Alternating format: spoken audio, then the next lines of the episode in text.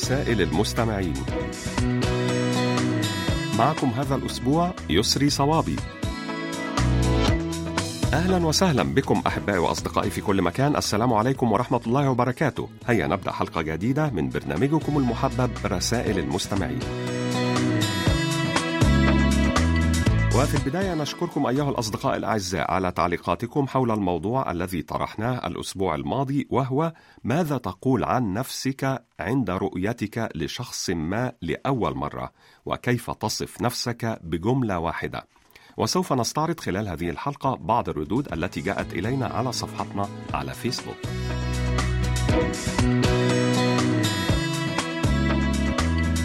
اكتبوا لنا أيها الأصدقاء على صفحة القسم العربي على فيسبوك وأيضا إذا كان لديكم مقترحات بأفكار ترغبون في مناقشتها عبر البرنامج أرجو منكم إرسالها إلى بريد القسم العربي أو إلى ركن رسائل المستمعين.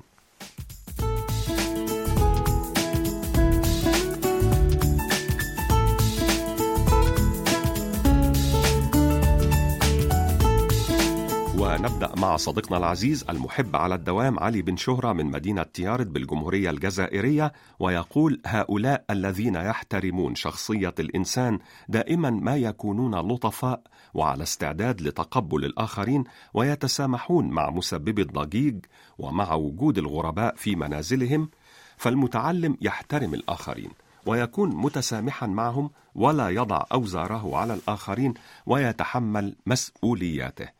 وتعتبر شخصيته مرنة بما يكفي لقبول الطرف الآخر وطرق تفكيره وتصرفاته وإن اختلفت أفكاره. الصادقون يخشون الكذب كخشيتهم النار ولا يستطيعون الكذب حتى في الأمور البسيطة إذ يعتبر الكذب إهانة للمستمع. ويضعهم في موقف محرج في أعين المتحدث. ولا يتباهى المثقفون الحقيقيون أمام رفاقهم الأكثر تواضعا ولا يميلون للثرثرة ولا يفرضون ثقتهم على الآخرين. والمثقف حقا لا يتباهى بمعرفته باستمرار ولا يلجأ إلى الكذب في محاولة لإبراز ذكائه. نواصل أحبائي وأصدقائي مع صديقنا العزيز عبد الإله إزو من مدينة الخميسات بالمملكة المغربية وهذه الحكم والأقوال. الإنسان لا ينتبه إلا إلى ألمه أما سعادته فلا يتوقف عندها ولا يلتفت إليها. ولو فكر الإنسان في سعادته لوجد أن لكل مرحلة من مراحل حياته حظا منها. من لا يقرأ يعيش حياة واحدة حتى لو اجتاز السبعين. أما من يقرأ فيعيش خمسة آلاف عام. القراءة أبدية أزلية. وقال لقمان الحكيم لابنه يا بني ليكن أول شيء تكسبه بعد الإيمان بالله أخا صادقا فإنما مثله كمثل شجرة. إن جلست في ظلها أظلتك وإن أخذت منها أطعمتك وإن لم تنفعك لم تضرك.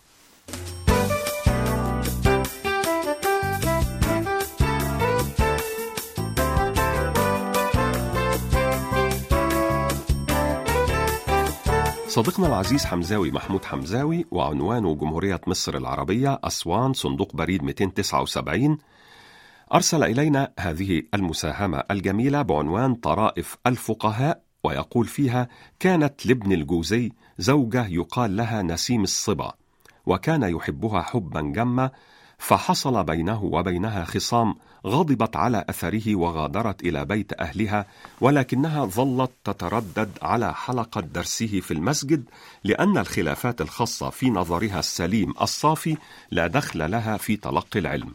وكان هو يسر من حضورها ويرجو في نفسه لو تجلس قريبا من منصته بحيث يراها وهي تستمع إليه. وحضرت الدرس مرة وجلست قريبا من منصته ولكن امرأتان سمينتان جلستا أمامها فسدتا ما بينه وبينها من فضاء ولم يستطع رؤيتها فتمثل حينها ببيت شعر لمجنون بني عامر يقول ألا جبلي نعمان بالله خليا نسيم الصبا يحمل إلي نسيمها فأدركتا قصد الشيخ وفهمتا عنه مراده فتزحزحتا فهب عليه نسيم من نسيم الصبا وعادت هي لبيته راضية. نواصل أحبائي وأصدقائي مع صديقنا العزيز إدريس بودينا من المملكة المغربية والمقيم في مدينة بيتسبرغ في الولايات المتحدة الأمريكية ومساهمة بعنوان الغذاء قبل الدواء. يقول فيها فاكهة الكيوي يرجع أصلها إلى مناطق الصين الشمالية. وهي تعرف أيضا باسم ثمرة العنب الصيني أو يانغ تاو. والتي كانت تؤكل لأغراض طبية وتتميز هذه الفاكهة بشكلها البيضاوي وحجمها الصغير المشابه لحجم البيضة وهي ذات قشرة بنية مكسوة بالفرو. وأما من الداخل فهي خضراء اللون. ولفاكهة الكيوي العديد من الفوائد الغذائية فبالإضافة إلى أنها تدخل في صنع العديد من المنتجات مثل السموذي والصلصات وغيرها فإنها مصدر جيد لفيتامين كي حيث تحتوي ثمرة الكيوي على ما يعادل حوالي 30% من الاحتياجات اليومية من فيتامين كي وهو مهم للحفاظ على صحة العظام إذ أنه يساعد الجسم على بناء البروتينات اللازمة لصحة العظام والأنسجة وتخثر الدم والحصول على ما يكفي من هذا الفيتامين قد يساهم في التقليل من خطر الإصابة بمرض هشاشة العظام. أما في حالة عدم استهلاك ما يكفي من فيتامين كي فإن ذلك قد يؤدي إلى النزف الشديد. أيضا الكيوي مصدر جيد لفيتامين إي حيث يعد فيتامين إي من الفيتامينات الذائبة في الدهون إذ يخزنه الجسم في الكبد والأنسجة الدهنية وهو من مضادات الأكسدة التي تساعد على حماية الخلايا في الجسم كما يساهم هذا الفيتامين في الحفاظ على صحة الجلد والرؤية بالإضافة إلى مساهمته في وظائف الجهاز المناعي. الكيوي أيضا مصدر جيد لفيتامين ب 9 الذي يعد من الفيتامينات المهمة لوظائف الخلايا ونموها السليم بالإضافة إلى دوره في تكوين خلايا الدم الحمراء كما أنه مهم في المراحل الأولى من الحمل إذ أنه يقلل من خطر الإصابة بالعيوب الخلقية في الدماغ والنخاع الشوكي للمواليد. أصدقائي الأعزاء تحت عنوان علمتني الحياة كتب إلينا صديقنا العزيز عمر حربيط العوني وعنوانه صندوق بريد 108 المنستير 5060 الجمهورية التونسية. يقول علمتني الحياة أن الثقة في النفس تصنع من العصفور صقرا ومن الوردة حديقة ومن الحلم حقيقة. وعلمتني الحياة أن أجعل من قلبي مدينة بيوتها المحبة وطرقها التسامح. علمتني الحياة أن الناس معادن لا تظهر ألوانهم إلا في حرارة الصعاب، فمنهم من يبرز لونه الحقيقي المتصدئ أو من يبرز باطنه الذهبي. وعلمتني الحياة أن أصدق مع نفسي قبل أن أطلب من أحدهم أن يفهمني. وعلمتني الحياة ألا أندم وأن أجعل الأمل يرافقني أينما كنت.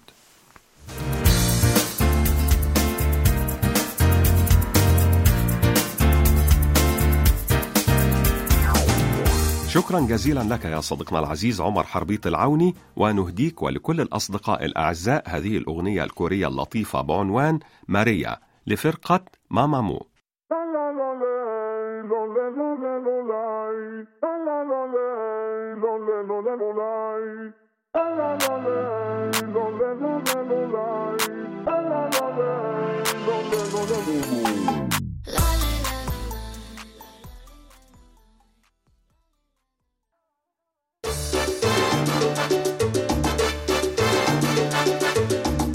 الآن إليكم أحبائي وأصدقائي بعض الردود السريعة عن رسائلكم.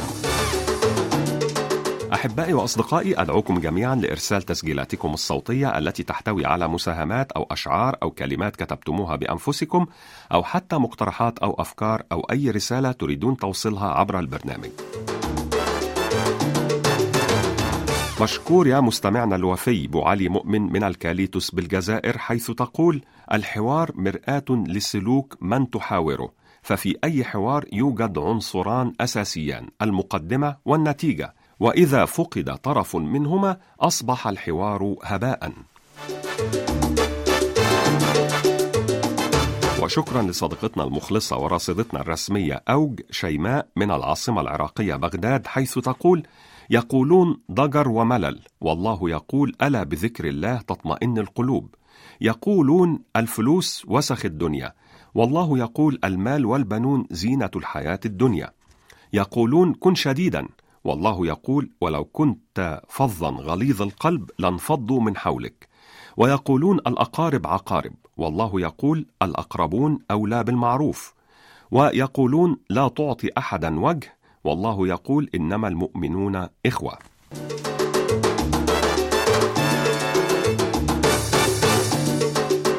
من العراق أيضا أختنا العزيزة رسل عبد الوهاب نشكرك يا رسل على هذه المساهمة التي تقولين فيها. هل تعلم أن الزبيب يحتوي على كمية كبيرة من الحديد الذي يساعد بشكل مباشر في علاج فقر الدم كما يساعد محتوى النحاس العالي فيه على تكوين خلايا الدم الحمراء؟ نواصل أحبائي مع المستمع المخلص جدا ورفيق الدرب المتواصل عبد الرزاق قاسمي صندوق بريد 32 بني ثور ولاية ورقلة 30009 الجمهورية الجزائرية ويحدثنا هذا الأسبوع عن اليوم العالمي لمحو الأمية.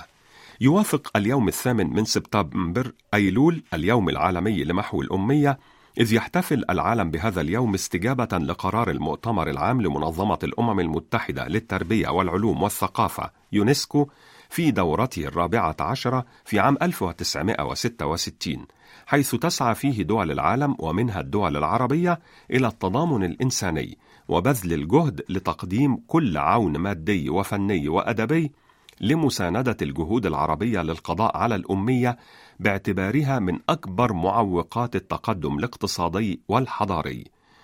ويعد هذا اليوم فرصة كبيرة لتذكير الأمة العربية بأهمية محو الأمية بالنسبة إلى الأفراد والأسر والمجتمعات، وهو أيضا مناسبة للتذكير بأن محو الأمية يبقى حقا منقوصا ما زال قرابة ربع سكان الوطن العربي من الكبار محرومين منه.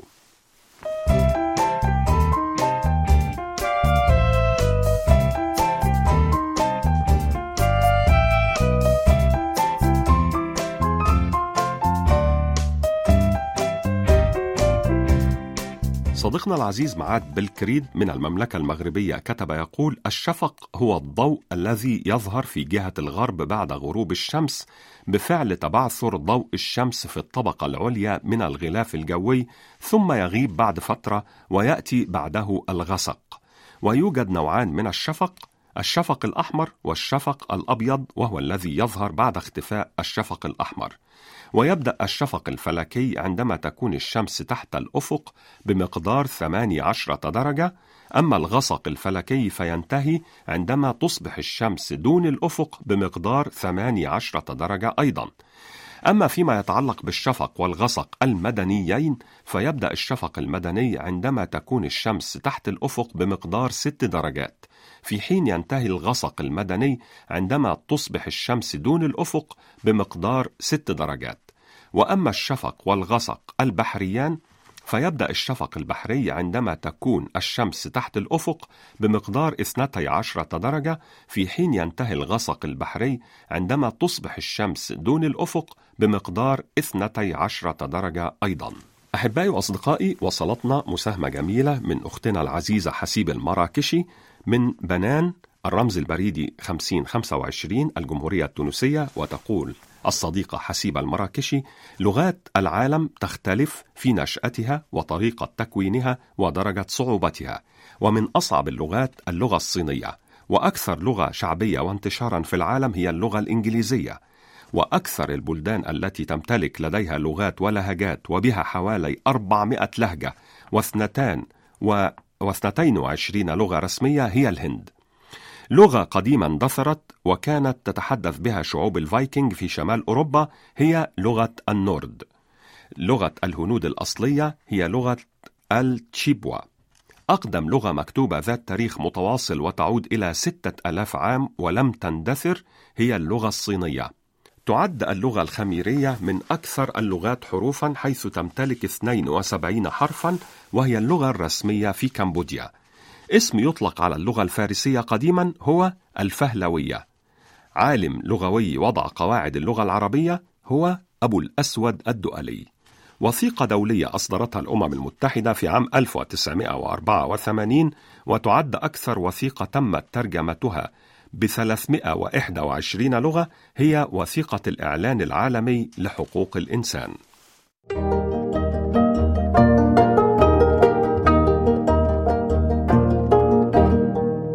قضية الأسبوع. وموضوع هذا الأسبوع هو كيف تصف نفسك بجملة واحدة عند الالتقاء بشخص ما؟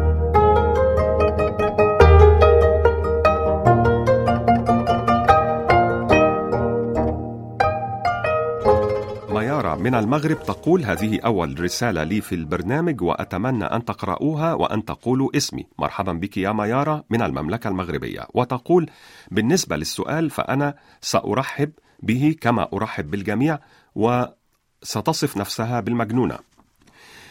كيم أميرة تقول سأقول جميلة ولطيفة.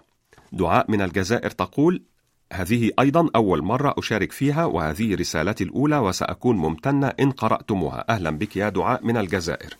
وسأقول عن نفسي حدث بلا حرج أي أنني سأفتح كتابا فارغا فهيا نملأه معا.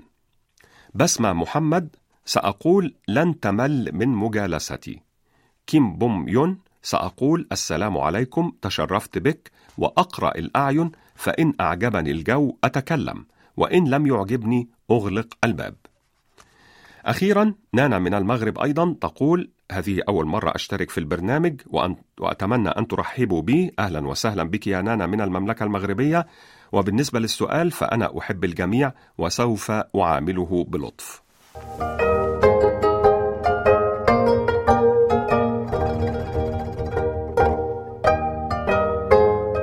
نشكركم أيها الأصدقاء الأعزاء على كل مشاركاتكم القيمة وننتظر منكم المزيد من المشاركات المفيدة والجميلة وسوف نواصل معكم بعد قليل. نواصل أحبائي وأصدقائي مع الصديق الدائم بإذن الله محمد بودوخة وعنوانه صندوق بريد 98 العلمة 19600 ولاية سطيف الجمهورية الجزائرية وكتب إلينا هذه القصة التي يوجد فيها حكمة جميلة. سألت امرأة بائعا بكم تبيع البيض؟ فأجابها البائع العجوز دينار للبيضة الواحدة يا سيدتي. فقالت له سآخذ خمس عشرة بيضة بعشرة دنانير أو أرحل. فأجابها البائع العجوز تعالي خذيهم كما أردت عسى الله أن يفرج عنا وتكون استفتاحية خير لأنني لم أستفتح لحد الآن. فأخذتها ورحلت وهي تشعر بنشوة النصر. وفي المساء جلست نفس السيدة في سيارتها الفاخرة وانطلقت لاصطحاب صديقتها إلى أحد المطاعم وجلست هي وصديقتها وطلبت ما لذ وطاب وتناولت القليل وتركت الكثير وفق ما تقتضيه قواعد البرستيج. بعدها ذهبت لدفع الحساب وكانت الفاتورة بقيمة 1500 دينار فأعطت المطعم ألفي دينار وقالت لصاحب المطعم الباقي لكم. قد تبدو هذه القصة عادية لصاحب المطعم ولكنها مؤلمة كثيرا لبائع البيض. فدائما ما نستقوي على المساكين والفقراء في تعاملنا معهم ونكون كرماء مع من لا يحتاجون كرمنا. وفي الجانب المضيء كلما جاءني شخص فقير يبيع شيئا بسيطا أتذكر مقولة لأحد الأغنياء يقول فيها كان أبي يشتري من بضائع البسطاء بأغلى الأثمان رغم أنه لا يحتاجها ويزايد عليها. فكنت أسخط من هذا التصرف وعبرت له عن انزعاجي إلى أن قال لي أبي هذه صدقة مغلفة بالعزة يا ولدي. فقارنوا بين تربية النفاق الاجتماعي وتربية البصيرة النافذة. أنار الله بصائرنا بما يحب ويرضى. نختتم حلقة هذا الأسبوع أيها الأصدقاء الأعزاء مع مساهمة جميلة من الصديق العزيز محمد السيد عبد الرحيم وعنوانه شارع الشوشة مركز الحسينية الرقم البريدي 44654 محافظة الشرقية جمهورية مصر العربية. وكتب إلينا تحت عنوان التفاؤل يقول إن التفاؤل من الصفات الرئيسية لأي شخصية ناجحة. فالتفاؤل يزرع الأمل ويعمق الثقة في النفس ويحفز على النشاط والعمل. والتفاؤل ما هو إلا تعبير صادق عن الرؤية الإيجابية للحياة فالمتفائل ينظر إلى الحياة بأمل وإيجابية. والمتفائل لابد أن يجد نتائج تفاؤله في نهاية الطريق لأن التفاؤل يدفع الإنسان نحو العطاء والتقدم والنجاح والتفوق. ولك ولكي يوصلنا التفاؤل إلى شاطئ السعادة والنجاح لابد أن يقترن بالعمل الدؤوب والجدية وإلا كانت نتائجه محبطة ومحزنة. والإيمان بالله قادر على بعث روح الطمأنينة والسعادة والتفاؤل في قلب الإنسان وعقله. ويعد التفاؤل من أهم قواعد النجاح والتفوق لما له من دور في تفجير الطاقات في أعماقنا وبعث الهمة والثقة في النفس. ولكي نزرع التفاؤل في أعماقنا لابد أن نردد دائما عبارات التفاؤل وأن نبتعد في نفس الوقت عن ترديد عبارات التشاؤم والكسل وعلينا أن نبتعد عن رثاء أنفسنا وأن نتغلب على مشاعر الألم والضعف التي تتملكنا أحيانا.